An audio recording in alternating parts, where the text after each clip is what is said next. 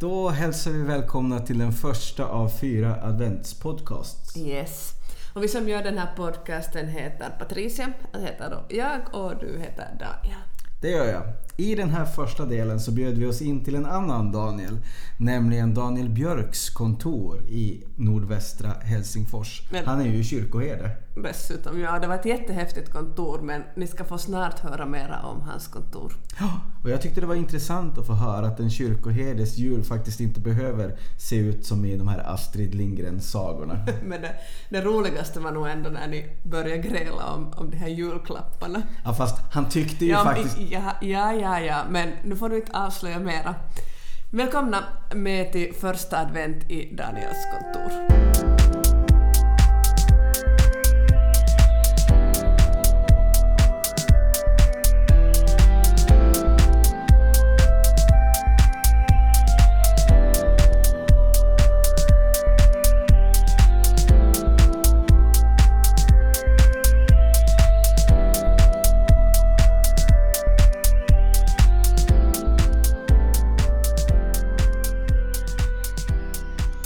Att vara här. Vi kör igång våran adventspodcast i ett rum som är kyrkoherdens kontor. Och det är Daniel Björk som är kyrkoherde. Här ser det väldigt speciellt ut. Vad ser du för någonting, Patricia? Uh, jag är imponerad av de mörka svarta väggarna och så är jag lite förvirrad av det här med, med en hjälm och, och ett svärd som, som det där inredningsdetaljer men, men det där, du ska få förklara dig.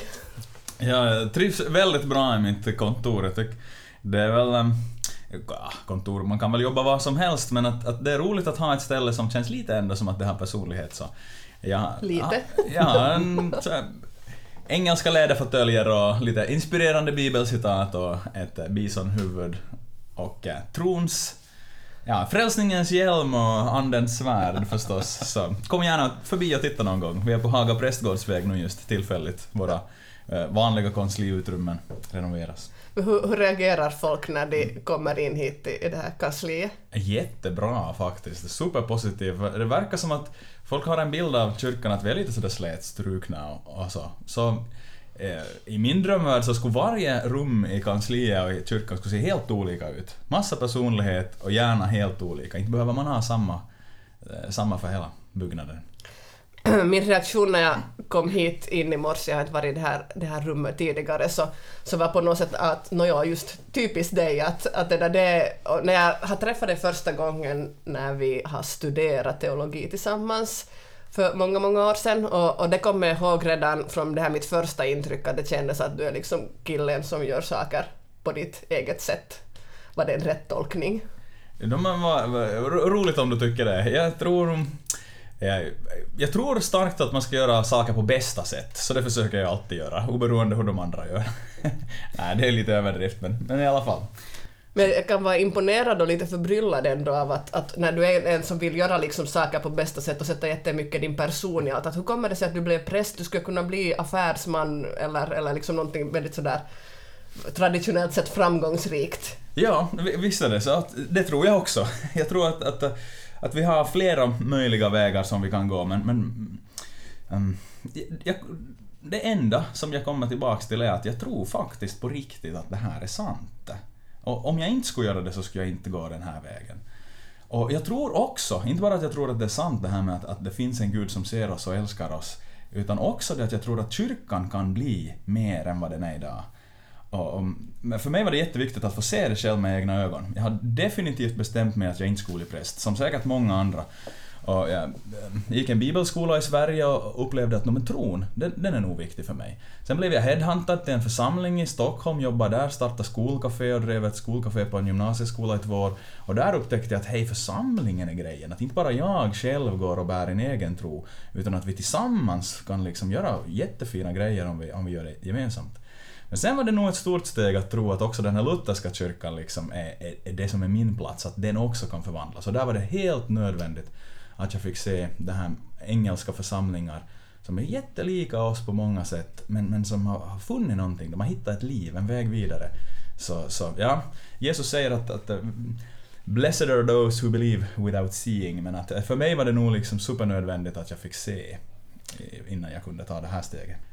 Men det där, det som förvirrar mig nu, för jag vet att du också har kört buss. Mm. Och hur går det ihop med det här att, att på något sätt vilja, liksom, ja, jag tycker att det är ganska kontrast. Ja, det, det var en härlig tid i mitt liv när jag studerade i Stockholm och körde buss där. Jag satt på tunnelbanan en dag och så såg jag en sån här ja, skylt bara där uppe att eh, sökes bussförare, att de betalar hela utbildningen och kortet och allt om man lovar att köra åtta veckor på sommaren, för de behövde då sommarinhoppare.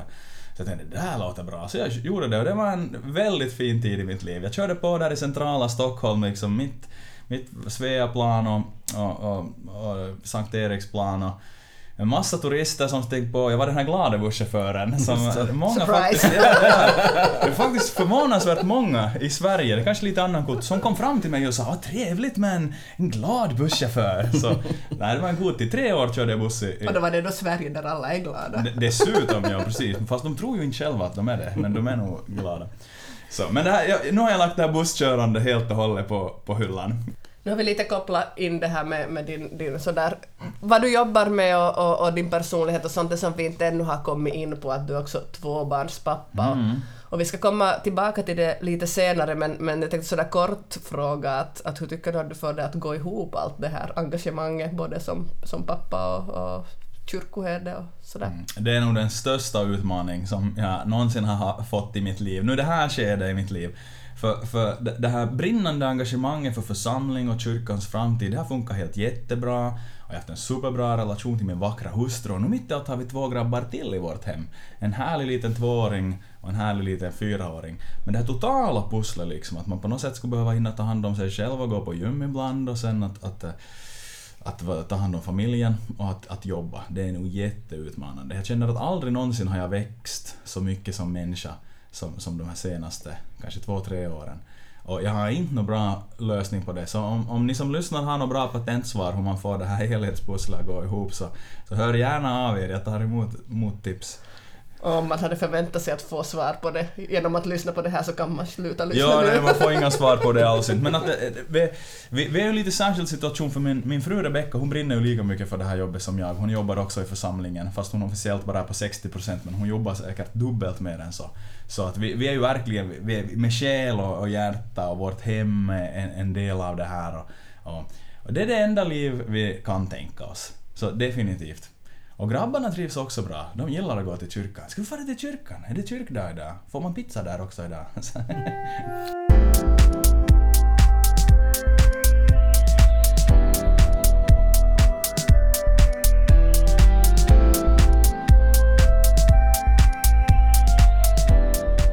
Det här är ju en adventspodd och vi kommer de här söndagarna lite grann gå in på julen och adventens budskap och betydelse i våra liv. Om vi tar julen först. Vad, hur, hur ser din jul ut, Daniel? Nu, nu är vi precis inne i den där fasen att liksom hitta vår egen jul med, när vi har blivit familj på riktigt, när vi har två barn och, och de är två barn som har behov också. Så, så jag tror vi ska fira jul själva eh, i år. Vi firar jul hemma i vår lägenhet och vi bjuder in lite vänner. Gran ska det naturligtvis vara, men plastgran eftersom det, eftersom det är mer praktiskt. Och så. Så vi, vi håller just på att skapa våra egna jultraditioner och det är precis som folk säger att, att det är när, det är genom barnen sen som man liksom ser julen igen med nya ögon. Och det är så, det är så kliché så det måste vara sant för att alla säger det och det är nog faktiskt så också. Känner du att det är sådär svårt just med det här med att skapa egna jultraditioner eller jag, jag tänker åtminstone för mig själv så känns det sådär att ja men mormor och morfar väntar så starkt att vi ska komma dit och, och farmor och farfar skulle vi också vilja se och de skulle vilja se oss och så här att, att det känns som stora beslut det här att men vi kommer att stanna, stanna i stan. Nej, för, för oss har det funkat rätt så bra. Det känns som att eh, våra föräldrar är lätta att förhandla med. Att vi, vi tar julen efteråt sen. Att vi, jag jobbar mycket hela julafton och sånt. Sen, sen åker vi upp någon gång i mellandagarna. Definitivt måste man ju hem och hälsa på föräldrarna. Men att kanske inte just på julafton. Det går att ta en annan gång också. Finns det något särskilt så här pynt eller eh, sån här, som du känner att det här måste fram på jul för att det ska bli jul? Men det, eh, jag gillar julbelysning. Det, det är min grej. Mycket, mycket, gärna mer. Eh, kanske om jag skulle bo i USA så skulle jag vara en sån där en sån där förortspappa som har hela huset fullt, hela, hela taket liksom, en sån där, en jultomte i full storlek med renar och slädar på taket och så. Men nu bor jag ju inte i USA, nu bor jag i en liten radhuslägenhet i Malmö, så vi tar det lite lugnare men men jag gillar, jag gillar belysning. Anna, inte så mycket pynt annars, det behöver det inte vara. Tomtar och, och, och små hemgjorda grejer, så nej, det, det behövs inte. Jag måste bara fråga, att kommer det att dyka upp någon belysning i det här fantastiska arbetsrummet också? Det är en jättebra fråga Patricia, det har jag inte alls faktiskt hunnit fundera på. Jag, jag gissar nej, men kanske Tycker jag det skulle passa med lite bling-bling här. Man skulle hänga något snyggt i fönstret här. Jag kommer ihåg att jag för några år sedan först insåg det här att egentligen så tycker jag mera om advent än om jul. Att jag trodde länge att, att, jag, men att jag gillar att, att sådär sätta julbelysning och tända ljus och, och, och, det där och dricka glögg och sånt här just för att, att det, jag ser så mycket fram emot julen. Men sen i något skede så fattade jag att inte det så, utan att jag tycker mest om den där tiden på något sätt. Mm. Att sen, sen upplever jag den, alltså nu är det fint med jul också men där är det mycket mer det här just att, att finnas till för mina barn och att, att liksom hälsa på folk och det är ju jätteroligt också men det är på något sätt så fungerar man bara och gör det som man på något sätt förväntas göra mm. i det skedet. Hur är det för dig? Jag håller helt med dig Patricia. Jag, jag är på samma där. Äh, väntan före, det är det som på något sätt, det är då julstämningen kom. Julafton är över på en gång bara. Och sen dessutom så jobbar jag hela julafton så det också påverkar ju lite kanske julfilisen. Hur är det med din advent? Ja, alltså när det här nu publiceras så då är det första advent och det måste jag säga att första advent för mig det är någonting magiskt. Och det kommer ju från, från, från min barndom där första advent, min mormor hade en kiosk. Och där gick liksom hela eh, liksom söndagens, eller lördagskvällen, så då jobbade vi med att pynta den här mm kiosken. Och sen hade vi en liten, ett litet eh, kapell där på, på söndag morgonen så gick man alltid till kapellet, sjöng de här klassiska Hosianna och Gå och Sion din konung och möta. Och så sen så var det liksom, då skyndade vi oss hem, tog på oss tomtekläder och så hade vi gjort små godispåsar. Så gick vi utanför den här kiosken och delade ut godispåsar till barnen och alla kom dit i byn, bodde i en, lit, bodde i en liten by.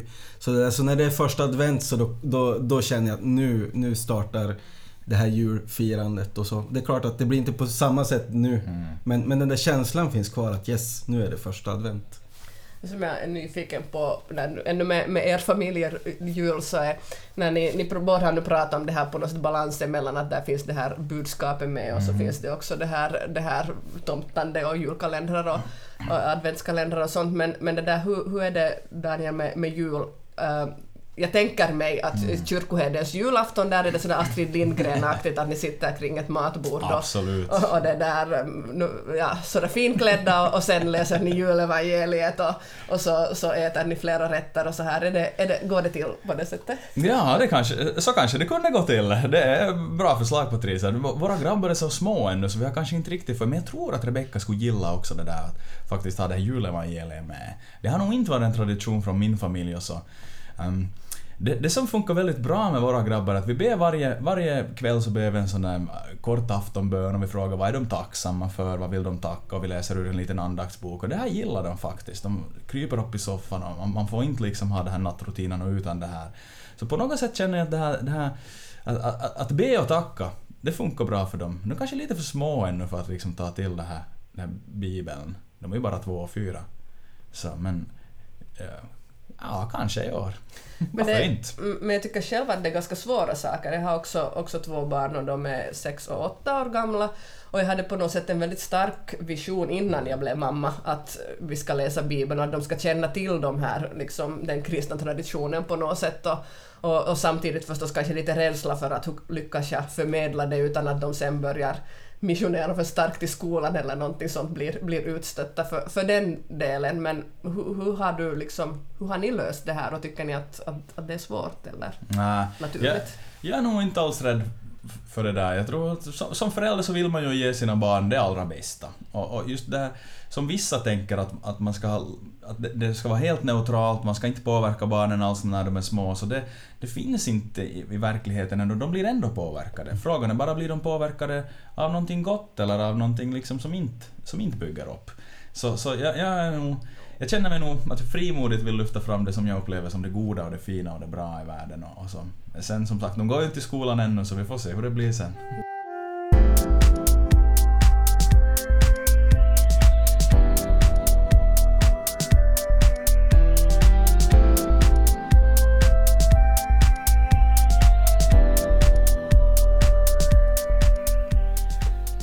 blir ju ganska naturligt att man pratar om barn när det handlar om, om jul och advent. Det har ju blivit på ganska många sätt barnens högtid och, och vi firar ett, ett, barn, barn som, som föds.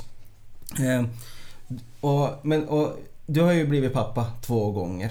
Eh, tänkte att det här med advent kanske... Eh, att vänta på någonting, att vänta på en en ankomst. Har du, hur, hur var det för dig att, att, att vänta barn första gången? Det var eh, fantastiskt stort, spännande och eh, skrämmande. Vad händer nu liksom? Hur ska det bli? Och, så det är ganska bra på något sätt eh, jämförelse hit till advent. För att vi väntar ju på... Det är tre olika saker vi väntar på i advent. Vi väntar ju liksom på på, på det här julafton, men sen, och så minns vi det här att uh, Jesus kom till oss, man läser texterna från palmsöndag, fast, fast det nu är jul. Men sen så finns ju också den här aspekten av att Jesus skall ju också en gång komma tillbaks igen, att vi, vi är liksom i flera olika väntan uh, samtidigt. Och det där känner jag definitivt igen från när man, när man skulle få barn, att, att nu, det enda man visste var att nu kommer någonting att ändras, mm. eh, verkligen. Och så var det ju också. Och, um, men kanske man, ett sätt är att kasta sig in i det ganska mycket. Jag vet Rebecka läste alla möjliga såna mammabloggar och familjeforum från Sverige och följde man med varje vecka att nu händer det här i den här utvecklingen och, och, på något sätt de här detaljerna är ju ett sätt att hantera det. Men... Um.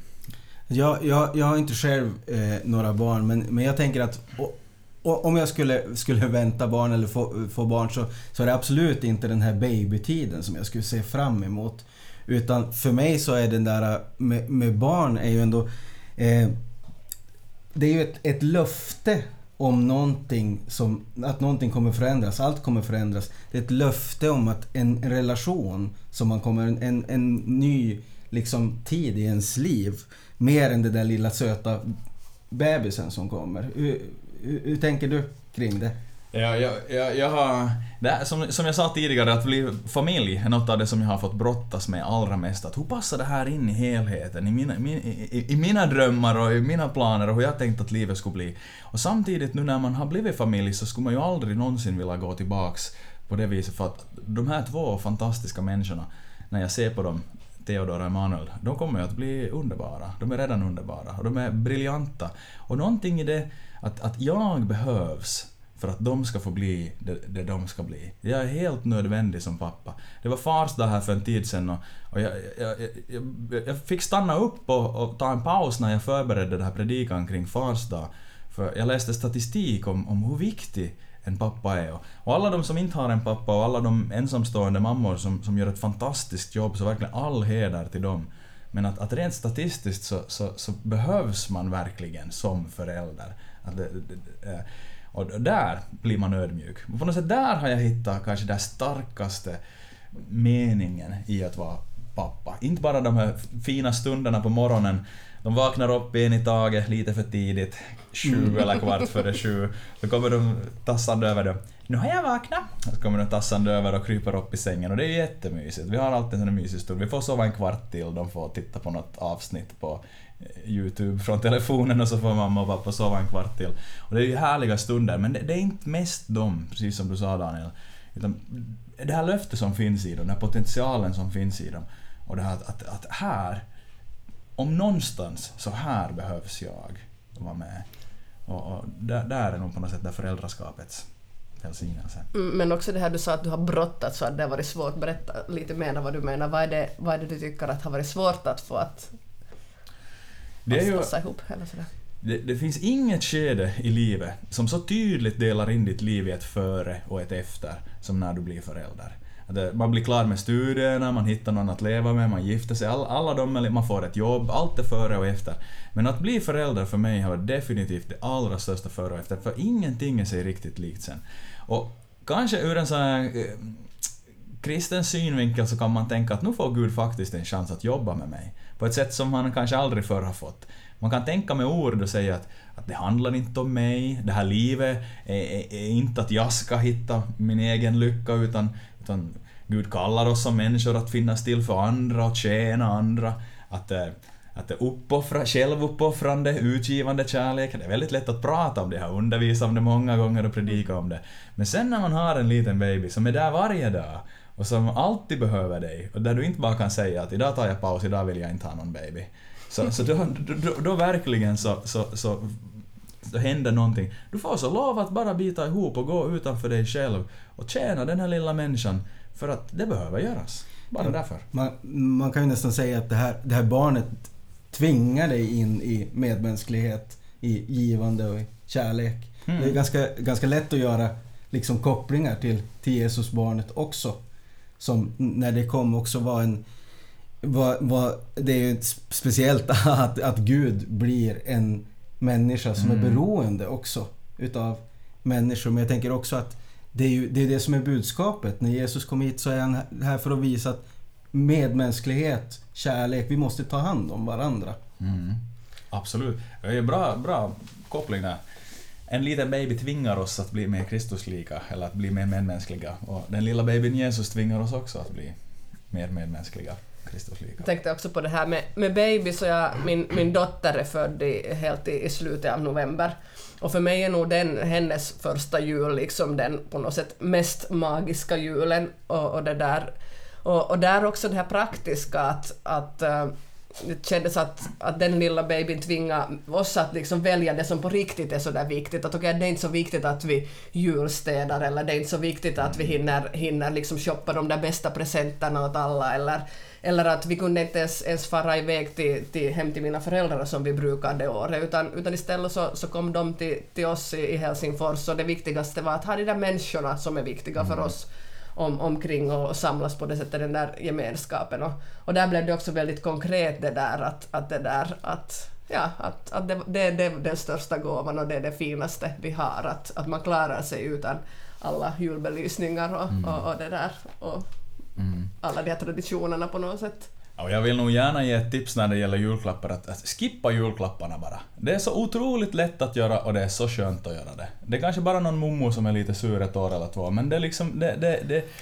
barnen kan få, okej, de kan få varsin kan de få barnen, men det är från mig ett tips. Det har gjort vårt liv så oerhört mycket lättare att inte behöva fundera på varje liten kusin och farbror någonstans, vad ska vi köpa för kräse, som de ändå har för mycket av. Nu, nu, Jag, jag, jag, känner att här måste jag verkligen protestera för när det gäller julklappar så jag, jag, jag skulle aldrig gå in i det. Liksom för mig är det, är det både, både liksom glädjen av att ge och glädjen av att få. Visst, det, det kan vara jobbigt, det kan vara fundera på vem som ska vem som ska få vad och så här men sorry bara, det där går jag aldrig in i.